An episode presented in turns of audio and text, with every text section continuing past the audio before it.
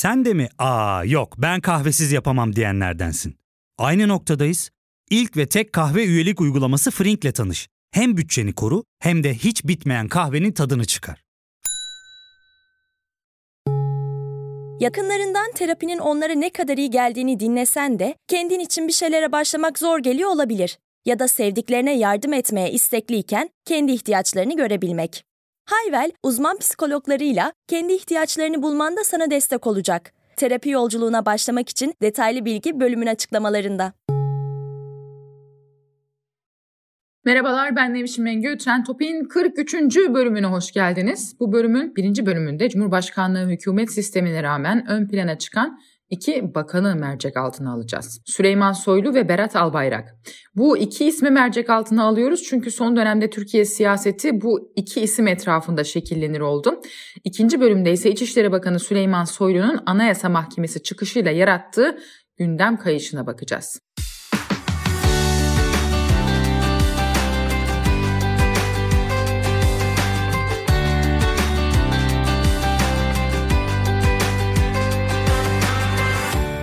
15 Eylül tarihli Burak Tatari'nin gerçekleştirdiği Medyaskop yayınında Levent Köker'in anlattığı gibi yeni Cumhurbaşkanlığı hükümet sisteminde aslında bakanlar siyasetçi değiller. Şimdi önce bir iki düzeltme yapıp bir iki de tespit yapmak gerekiyor galiba. Birincisi beni bağışlarsanız Sayın Süleyman Soylu geçmişte politikacıydı ama şu anda bir politikacı kimliği yok. Çünkü biz politikacı sıfatını seçimle siyasi iktidara sahip olmak amacıyla bir siyasi partide veya bağımsız olarak halk oyuyla iktidara gelmek için mücadele eden, bu anlamda siyaset yapan kişiler için kullanıyoruz. Türkiye Cumhuriyeti'nde 2017 anayasa değişikliğinden sonra şu anda görev yapmakta olan hiçbir bakanın politikacı kimliği yoktur. Bir tek Sayın Cumhurbaşkanı'nın politikacı kimliği vardır. Çünkü yürütme organının mensuplarının politikayla uzaktan yakından politikacılık anlamında bir ilişkileri bulunmamaktadır. Çünkü bakanlar seçime girmiyorlar. Büyük Millet Meclisi üyesi değiller. Eskiden biliyorsunuz bakanlar kurulu vardı. Bakanlar siyasilerden yani politikacıların arasından, Türkiye Büyük Millet Meclisi üyeleri arasından büyük çoğunlukla ama en önemlisi de başbakan. Büyük Millet Meclisi'nde çoğunluk grubunun lideri olarak e, seçilirdi. Neyse uzatmayayım. Yani Sayın Süleyman Soylu bir ara politikacıydı ama şu anda politikacı değil bir idareci. Ama üst seviyede bir idareci çünkü yürütme organının bir görevlisi. Ama gene unutmadan eklemem lazım. Bu çok önemli bir nokta olduğu için üzerine basa basa eski alışkanlıklarımız üzerinden konuşmayalım diye söylüyorum yürütme organının bir mensubu olmasına rağmen yürütme organı sadece Cumhurbaşkanı'ndan teşekkül ettiği için bugünkü anayasamıza göre o yürütme organı yani Sayın Cumhurbaşkanı'nın temsil ettiği yürütme organı tek kişilik yürütme organının yardımcısı konumunda. Dolayısıyla bakanlık kimliği de eski bildiğimiz bakanlık kimliği değil.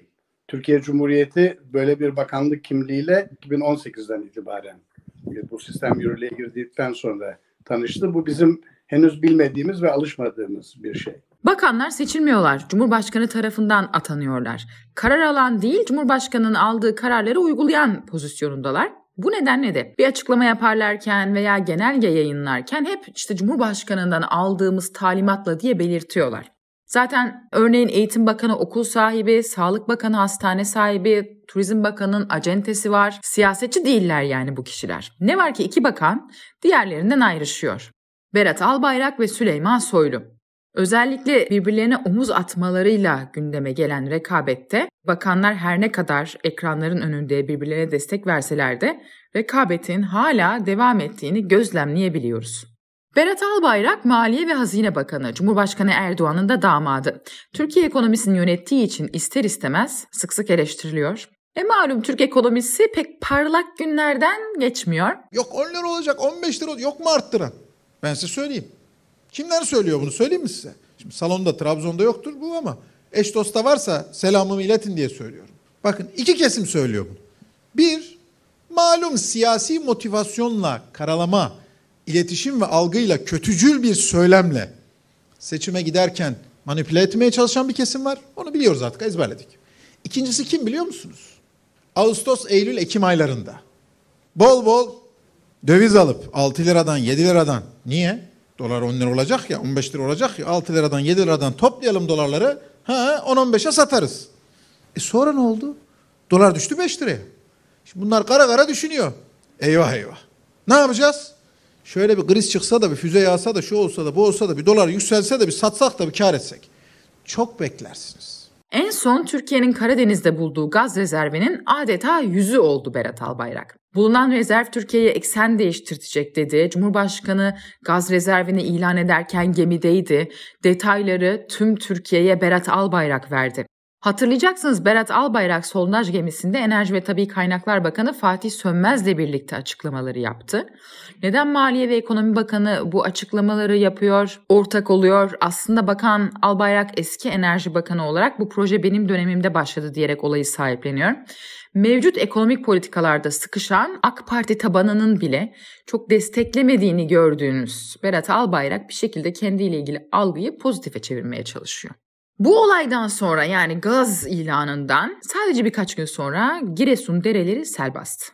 Azgın sular ilçeyi adeta yuttu. Bu sefer kameraların karşısındaki isim İçişleri Bakanı Süleyman Soylu'ydu. Süleyman Soylu'nun kepçenin içinde selzedelere ulaşmaya çalışan görüntüsü sosyal medyada epey paylaşıldı. Bakan Soylu Nisan ayında hatırlayın istifa etmişti ve hatta sosyal medyada bir kampanya başlatılmıştı. İstifa kabul edilmedi, Bakan Soylu göreve devam etti. Trend Topi'nin 6. bölümünde bu konuyu ele almıştık. Süleyman Soylu arkasına önemli bir rüzgarı aldı. Aslında Nisan ayında istifasıyla bir nevi güven tazeledi hatta güç gösterisi yaptı. Berat Albayrak eski bir beyaz yakalı, siyasete girmeden önce Çalık Holding'in CEO'suydu. Cumhurbaşkanının damadının olmasının yanı sıra arkasında medya gücü de var. Yani gençlere burada güzel de bir mesaj vereceğim. Çokomelli mi diyoruz? Ne? Çokomelli bir mesaj vereceğim. Bakın burası çok önemli. Burası çokomelli. Hoşunuza Ben gidiyor mu? Ben çocukluğumda en çok çokomelli bir de eti pufu çok severdim. Eti pufun da böyle Hindistan cevizisi biliyorsunuz değil mi? O çok güzel olur. Eti puf daha güzeldir hatta. Eti puf, aynen öyle. Eti puf daha güzel. Çokomeli de çok severdik. Şimdi çok güzel bir mesaj vereceğim. Yalnız Sayın Bakanım iki ürünün de reklamını yaptık. Vallahi çocukluğumuzda seviyorduk. Neyse Ne aslında iki markadan da yaptık. Ne yapalım? Herhalde Rütük ceza kesmez. Berat Albayrak'ın kardeşi Serhat Albayrak, Sabah ATV'yi bünyesinde bulunduran Turkuaz grubunun sahibi. Süleyman Soylu ise siyasetten geliyor. Doğru yol kökenli 2005-2009 yılları arasında Demokrat Parti'nin genel başkanıydı. Daha sonra AK Parti'ye katıldı. Son dönemde sertleşen bir üsluba ve söyleme sahip. Geçtiğimiz hafta milletvekili Barış Atay'la Twitter atışması Soylu'nun epey olay oldu. İpeker isimli genç e, kadınla zorla cinsel ilişkiye girip intiharına sebep olduğu iddia edilen jandarma uzman çavuş Musa Orhan olayında Orhan dava sürerken tahliye edildi. Sosyal medyada Süleyman Soylu'nun Orhan'a sahip çıktığı, Orhan'ın bu nedenle tahliye edildiği iddiası yayıldı. İçişleri Bakanlığı yazılı bir açıklamayla bu iddiaları yayınladı ama tartışmayı milletvekili Barış Atay'ın tweet'i köpürttü. Atay, sen bir tecavüzcüyü korudun, kolladın Süleyman Soylu. Hayatın boyunca her fırsatta yüzüne vurulması asla unutmaman için uğraşacağız diye bir tweet attı. Soylu bu tweet'i tecavüzcü PKK yöneticilerinin talimatıyla HDP'den milletvekili olan PKK ve DHKPC artığı. Benden tecavüzcü kollayıcı olmaz da senden tam tecavüzcü olur. Tuman'ın kollayıcısı dikkat yakalanma diye bir tweet atarak karşılık verdi. Bu tweet atışmasından kısa bir süre sonra Atay Kadıköy'de bir grubun saldırısına uğradı. Soylu'nun çıkışlarından nasibini alanlardan biri de Anayasa Mahkemesi Başkanı Zühtü Aslan oldu. Mahkeme şehirler arası yollarda da eylem yapılabileceğini hükmetmişti. Soylu bu karara sert çıktı. Yazıklar olsun. Kolay. Anayasa Mahkemesi karar veriyor. Güvenlik soruşturmasını kaldırın. Ne olacak? FETÖ'cüler girsin. Ne olacak? PKK'cılar girsin. Ne olacak? Hadi bakalım. Anayasa Mahkemesi Başkanı'na buradan söylüyorum. Madem özgür bir ülkeyiz ya. Özgür bir ülkeyiz. Öyle ya. Ana caddelerde, ana asfaltlarda, sokaklarda, ana arterlerde özgürce yürüyüş hakkının ortadan kaldırılmasını geçen gün onayladınız. Ya polis korumayı almana gerek yok ya. Bisikletinle işe git gel bakalım. Hadi git gel.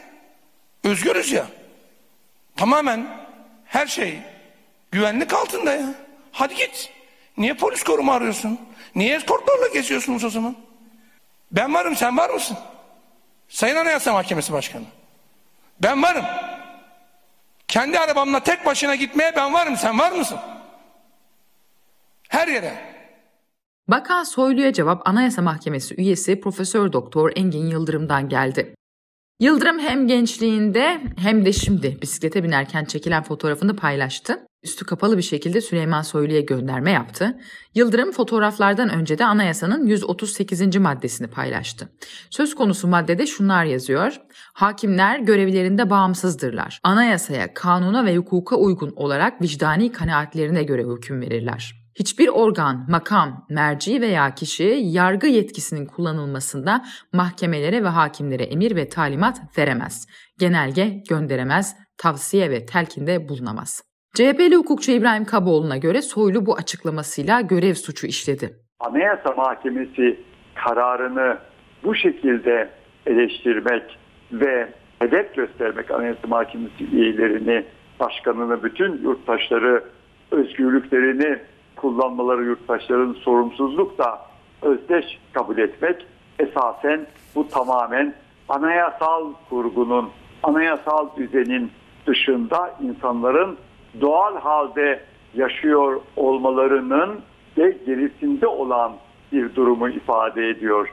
Bu itibarla konuya anayasanın belirttiğim ve diğer hükümleri açısından baktığımız zaman mesela bir başkasına daha belirteyim anayasa madde 138 yargıca kesinlikle hele hele bir bakan müdahale edemez veya anayasa madde 17 devlet bütün insanların yurttaşların haklarını, yaşam hakkını güvence altına almak zorundadır. Ve bütün polislerin, kolluk güçlerinin, emniyet güçlerinin, valinin, valilerin, mülki amirlerin e, amiri konumunda olan bakan tam tersine yurttaşlara yönelik, yaşam haklarına yönelik bir tehdit söz konusu olduğu zaman bunun önüne geçmek, bu kişilere karşı soruşturma mekanizmasını ve yaptırım düzenliğini harekete geçirmek için emir ve talimat vermekle yükümlüdür. Ama tam tersine e, kendi görevini,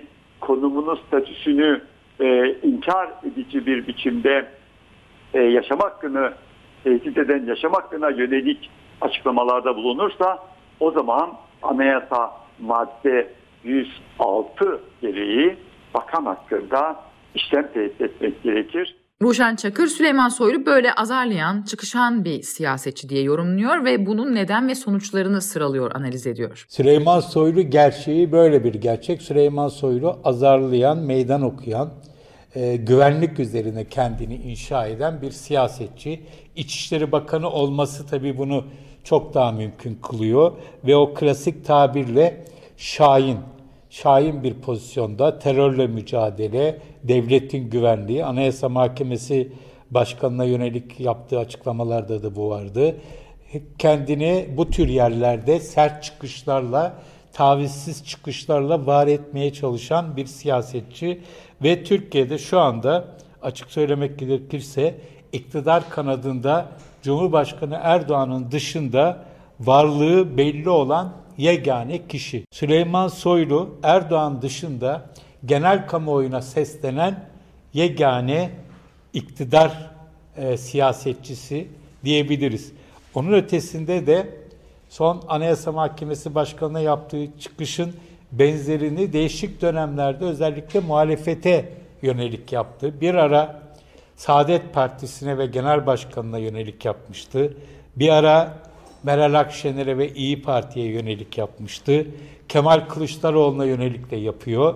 Ve buralarda da e, çıkıp medya üzerinden bu rakip siyasetçilere çok e, ciddi suçlamalar, eleştiriler yöneltebiliyor. Yine düşünecek olursak bunu yapan çok fazla iktidarda siyasetçi yok Erdoğan dışında. Varsa bile arada sırada yapan varsa bile dikkat çekmiyor, arada kaynıyor. Sözleri dikkate alınan ender isimlerden birisi Süleyman Soylu. Süleyman Soylu Türkiye'de iktidar cephesinde Erdoğan'dan sonra ve hatta kimi durumda Erdoğan'dan daha etkili ve başarılı bir şekilde eski tip siyaseti yapan bir kişi. Eski tip siyaset nedir? Birebir tek tek insanlarla konuşarak siyaset, dokunarak siyaset, gezerek siyaset. Süleyman Soylu'nun böyle yaptığını görüyoruz. duyuyoruz. AKP grubundan milletvekilleriyle temasını kopartmadığını biliyoruz.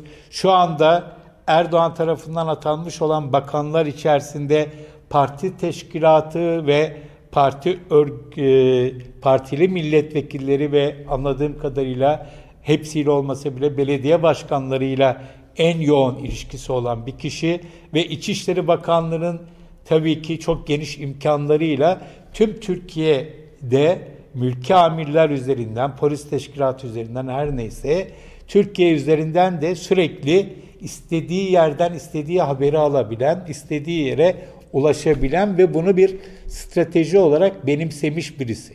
Yani siyaset yapıyor. Evet buraya kadar olan konuştuklarımızı özetlemek gerekirse Berat Albayrak ve Süleyman Soylu'nun kabinede birbirleriyle rekabet içinde olan ve sivrilmeye çalışan profiller olduklarını görüyoruz. Gündemde olan Anayasa Mahkemesi çıkışında konuştuk fakat ben sizi farklı bir e, konuya daha götürmek istiyorum. Önce kısa bir ara ardından o konuya girip bölümü toparlayalım.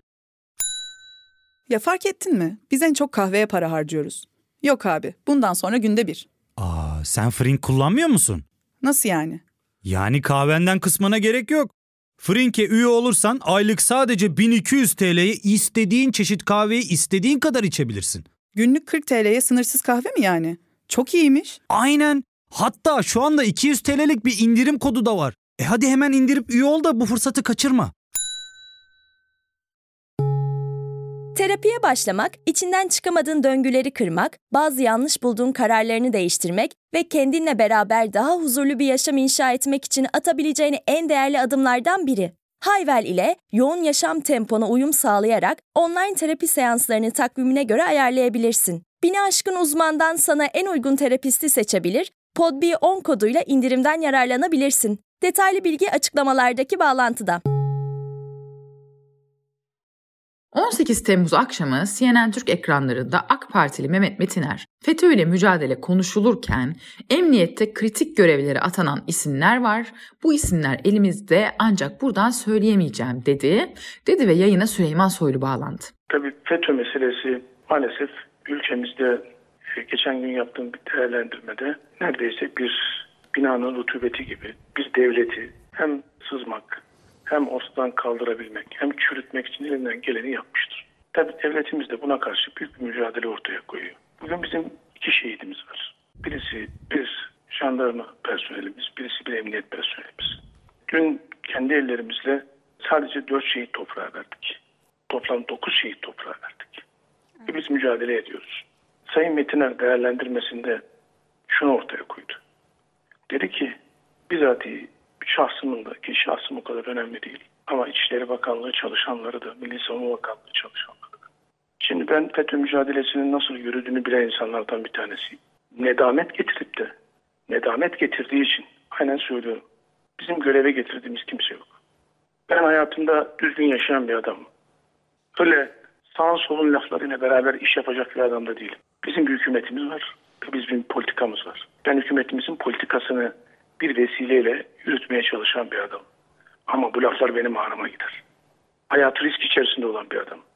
Hayatım risk içerisinde. Doğrudur. Ömrümde iki kaşıkla yemek yemedim hiç. Bir daha söyleyeceğim. Ömrümde iki kaşıkla yemek yemedim. Bu sözleri hak ediyor değiliz. Bir tek FETÖ'cüyü göreve getirmişsem, bir tek FETÖ'cü göreve gelmişse ve bu söylenmiyorsa bu ülkemize ihanettir. Ben getirmişsem ben ihanet ediyorum ülkeme. Çok üzüldüğümü ifade etmek istiyorum. Ne yani, zaman dendi ki? E, bu görevler böyle kolay görevler değil. Bugün bize verilen emanetin ne olduğunu, milletin bizden ne beklediğini, kimse kusura bakmasın. Şehit cenazelerindeki o annelerin, o babaların, o eşlerin, o çocukların yüzüne biz nasıl bakarız ya? Bu kadar kolay mı yani bu işler? Ben şehit cenazesi kılıp arkasından gülen, oynayan, vur patlasın, çal oynasın adamlar, bildiğiniz adamlardan değilim. Yaşıyorum ben onları. 15 Temmuz'da neler yaşandığını, bu ülkede nasıl yaşandığını bir vesileyle bilen insanlardan bir tanesiyim. Yaşayan insanlardan bir tanesiyim. Ama bu laflar bizim benim ağrıma gidiyor. Kurumumuzun da ağrına gider. Hele en yakın arkadaşlarımızdan bu lafların gelmesi hiç kabul edemem. Haksızlık olarak nitelendiririm. Buna söz söylememeyi de Semiha kendime düşman olarak arkadaşlarıma da kurumuma da hükümetime herkes elinden geleni yapıyor. Bir şöyle düşünelim ya. 15 Temmuz olsaydı biz ne olacaktık? Bugün nedamet olarak nitelendirilen insanlar mı bize sahip çıkacaklar? Evet. Sadece üzüldüğümü ifade etmek ve bunu kesinlikle kabul etmediğimi ifade etmek, böyle bir değerlendirmeyi kabul etmediğimi ifade etmek, başka bir üstün cümle daha kuruyorum. Yanlış varsa bu yanlışı da kabul etmediğimi ifade etmek istiyorum. Bizim yanlış yapma hakkımız yok. Herkesin yanlış yapma hakkı vardır. Bizim yanlış yapma hakkımız yok. Biz çünkü sadece kendi sorumluluğumuzu hissetmiyoruz. Kendi adımıza yaşamıyoruz. Bu milletin verdiği emaneti ve Cumhurbaşkanımız Sayın Recep Tayyip Erdoğan'ın verdiği emaneti kılı kırk yararak gerçekleştirmeye çalışıyoruz. Yani televizyon kanallarından bize bizim arkadaşlarımızın yani elimizde isimler var demesini de kendime bizatihi hakaret kabul ediyorum. Bana her zaman ulaşabilecek insanları, her zaman söyleyebilecek insanları basın üzerinden bizle konuşmasını da son derece doğru kabul etmiyorum. Bizim abi dediğimiz insanları... Şu an sizin dönüp yaptığınız da basın üzerinden konuşmak Sayın Bakanım. Eksiksiz olan Cenab-ı Allah'tır. Bizim de 50 tane yürürken 50 tane eksikliğimiz var. Ama ben bunu kabul etmem. Kabul etmiyorum. Peki.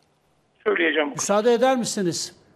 Ben müsaade falan etmiyorum. Söyleyeceğinizi söylediniz zaten. Sayın Oradan Bakanım. söylemeye devam edersiniz. Aynı Sizden şekilde müsaade devam. istemiyorum Sayın Bakanım. Aynı- Siz müsaade merci Hayırlı değilsiniz. akşamlar diliyorum. Bu tartışmanın sonrasında Mehmet Metiner oldukça sinirlendi. Bir gün sonrasında uzun bir açıklama yaptı. Bakan Soylu bu açıklamaya Twitter'dan Mehmet Metiner'in fotoğrafını alıntıyarak Bakara suresinden cevap verdi. Kalplerinde bir bozukluk vardır. Allah da onlardaki bozukluğu arttırmıştır. Yalan söylemeleri yüzünden kendilerine acı veren bir azap da vardır. Bakan Soylu'nun dinlediğiniz açıklamalarındaki iki yerin altını çizelim. Bir tek FETÖ'cü göreve getirilmişse bu ihanettir, ben getirmişsem ben ihanet etmişimdir. İki, yanlış varsa bu yanlışı da kabul etmiyorum. Herkesin yanlış yapma hakkı var, bizim yanlış yapma hakkımız yok. Bu tartışmalar Temmuz ayında gerçekleşti. İçinde bulunduğumuz Eylül ayın başında ise sürpriz bir gelişme oldu. FETÖ soruşturması kapsamında çok sayıda kaymakam hakkında görevden alma kararı verildi. İçişleri Bakanlığı'ndan henüz bir açıklama gelmese de Erzurum valisi Okay Memiş 35'e yakın kaymakamın görevden alındığını duyurdu.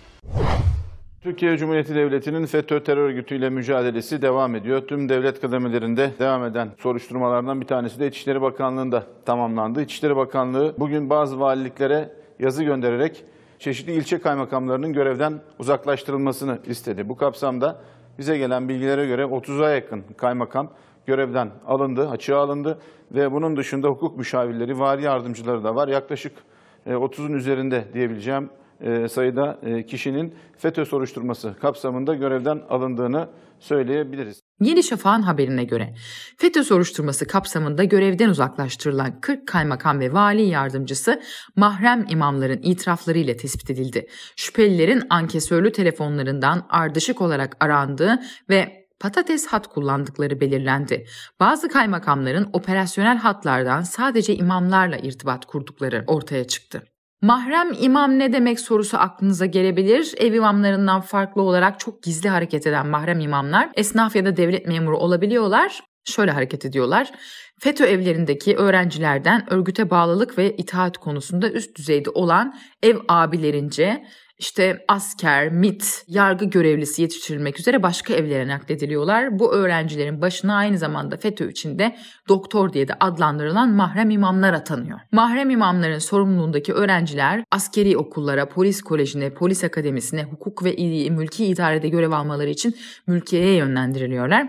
Bu yönlendirme sırasında sorular sınav öncesi kendilerine veriliyordu. Sabah gazetesinin haberine göre Sason Kaymakamı Abdullah Özadalı ile Beşeri Kaymakamı Sinan Aşçı haklarında başlatılan terör örgütü FETÖ soruşturması kapsamında görevden alındı. Özadalı'nın Sason Kaymakamlığına 10 Eylül 2018'de, Aşçı'nın ise Beşiri Kaymakamlığına 7 Ağustos 2019'da göreve başladıklarının altı çizildi. Bu mahrem imamlarca yetiştirilmiş kimi kişilerin devlete sızdığı, kaymakam olarak atandığı ve bu atanan kişilerin görevden alındığına ilişkin Sabah ve Yeni Şafak gazeteleri ayrıntılı haberlere yer verdi.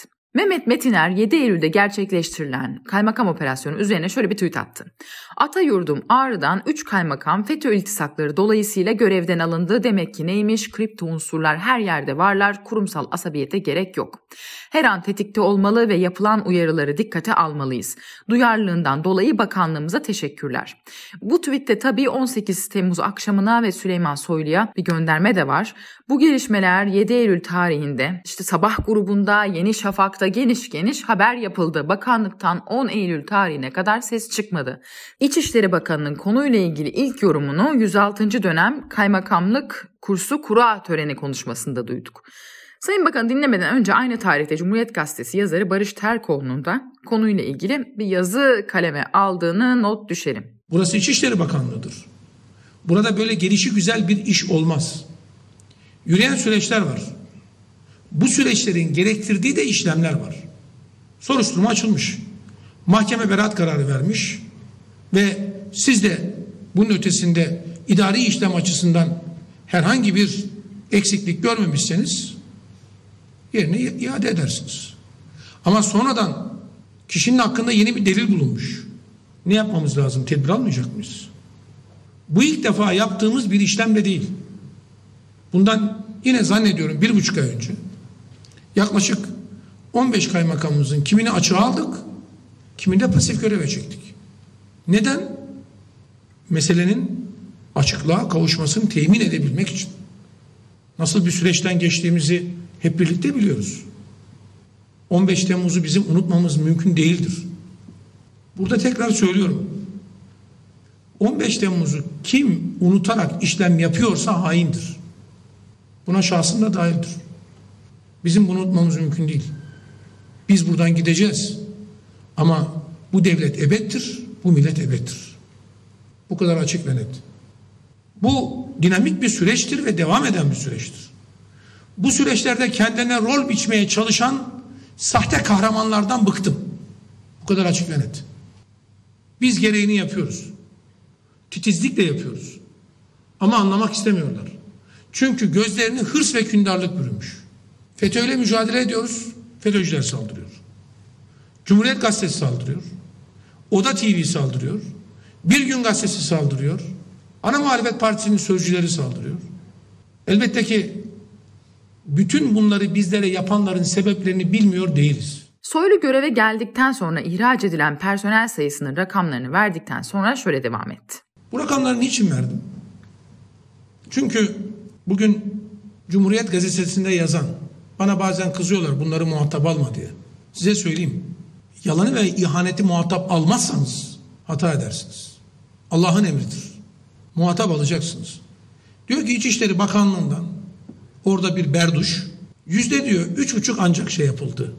Hep elinin tersiyle itiyorlar. O berduşa söyleniyor, sesleniyorum. Ben senin gibi birinin öbürünün adamı değilim, bu milletin adamıyım. Kimin adamı olduğunu da belli. Kimlerle iş tuttuğunuz da belli. Kime uşaklık yaptığınız da belli. Terkoğlu Bakan Soylu'nun bu açıklamaları sonrasında görüşlerini KRT televizyonuna aktardı. Takdir edersiniz ki ben gazeteciyim ve gazeteci olarak Türkiye'de sadece İçişleri Bakanı'na değil, herhangi bir yurttaşa karşı, sokakta yürüyen herhangi bir yurttaşa karşı saygılı bir dil kullanarak bir eleştiri yapmak, bir bilgilendirme yapmak çabası içerisindeyim. Olarak bu üslubu ne karşılık veririm, ne aynı dili kullanırım, ne de benim ahlaki değerlerim bu üslupla aynı şekilde karşı koymaya gere gerektir. Ancak şimdi İçişleri Bakanı neyden alınmış? İçişleri Bakanı şundan alınmış. Geçtiğimiz gün 40'ın üzerinde kaymakamın FETÖ nedeniyle açığa FETÖ nedeniyle açığa alındığı iddiasına günler geçtikten sonra benim yazımın arkasından yanıt verme ihtiyacı hissetmiş. Ve çıkıp sizin de okuduğunuz gibi FETÖ'yle ne ilgisi var deyip Oda TV bir gün Cumhuriyet Oda TV başta olmak üzere söylemiş. Şimdi bakın ben size şu anda birkaç dakika oldu bu açıklama olalı. Süleyman Soylu bu açıklamayı yapmadan önce kaymakamlar açığa alındığı zaman hükümet medyasından birkaç tanesinin başlığını okuyor. Sabah gazetesinden başlayayım. Kaymakamlara FETÖ soruşturması. Yeni Şafak gazetesini açayım. FETÖ operasyonuyla görevden alınan kaymakamların tam listesi.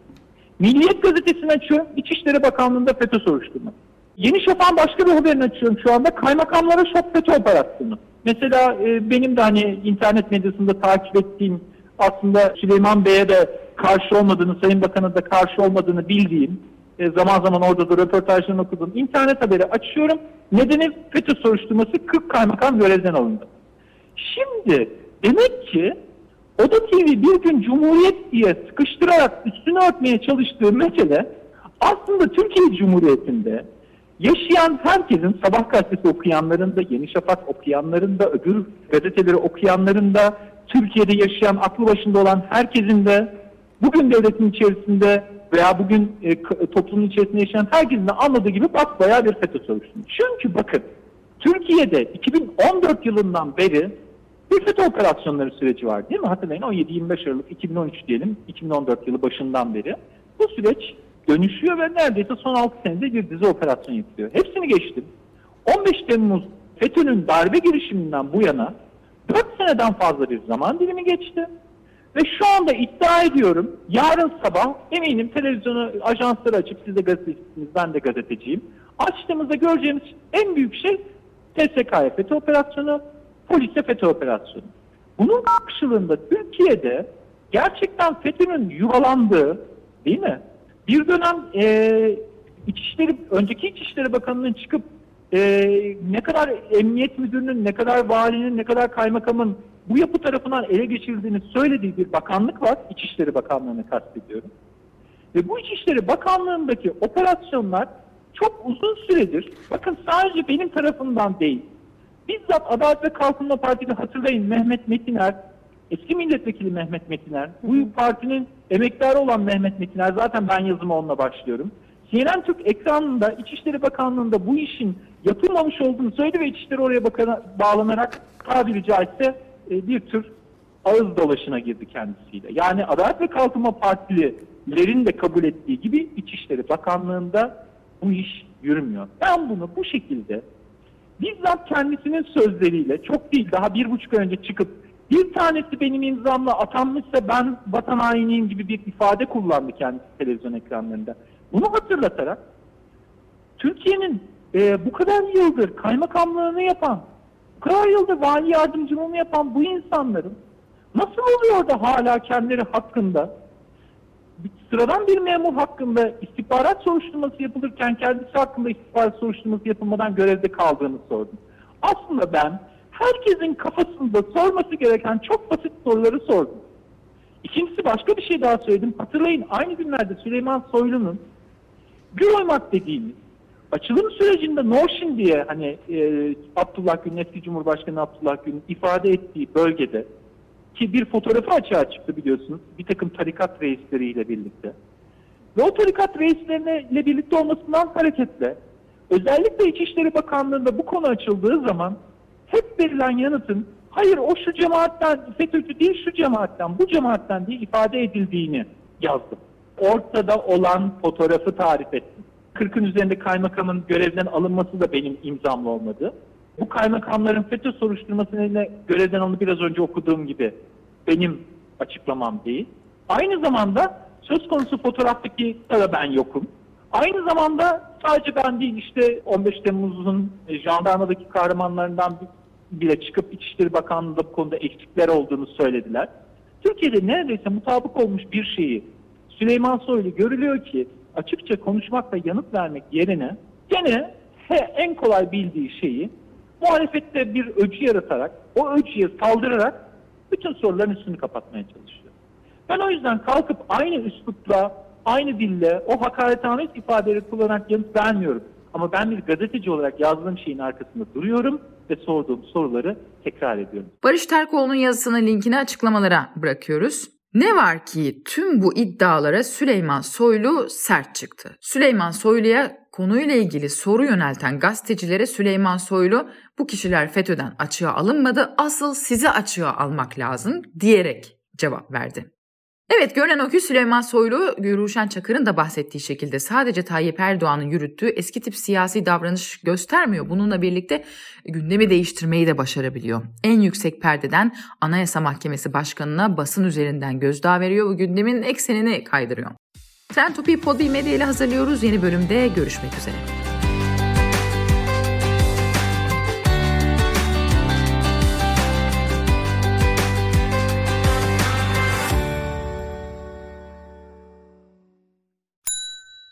İlk ve tek kahve üyelik uygulaması Frink, 46 ildeki 500'den fazla noktada seni bekliyor.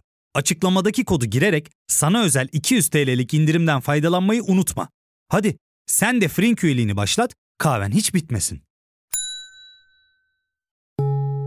Hem bugününe hem yarınına katacaklarıyla terapi yolculuğuna Ve daha iyi hissetmeye bugün Hayvel ile başla. Açıklamadaki linkten Hayvel'i indir, ücretsiz tanışma görüşmelerinin ardından bütçene uygun seans paketini seç ve terapi yolculuğuna başla.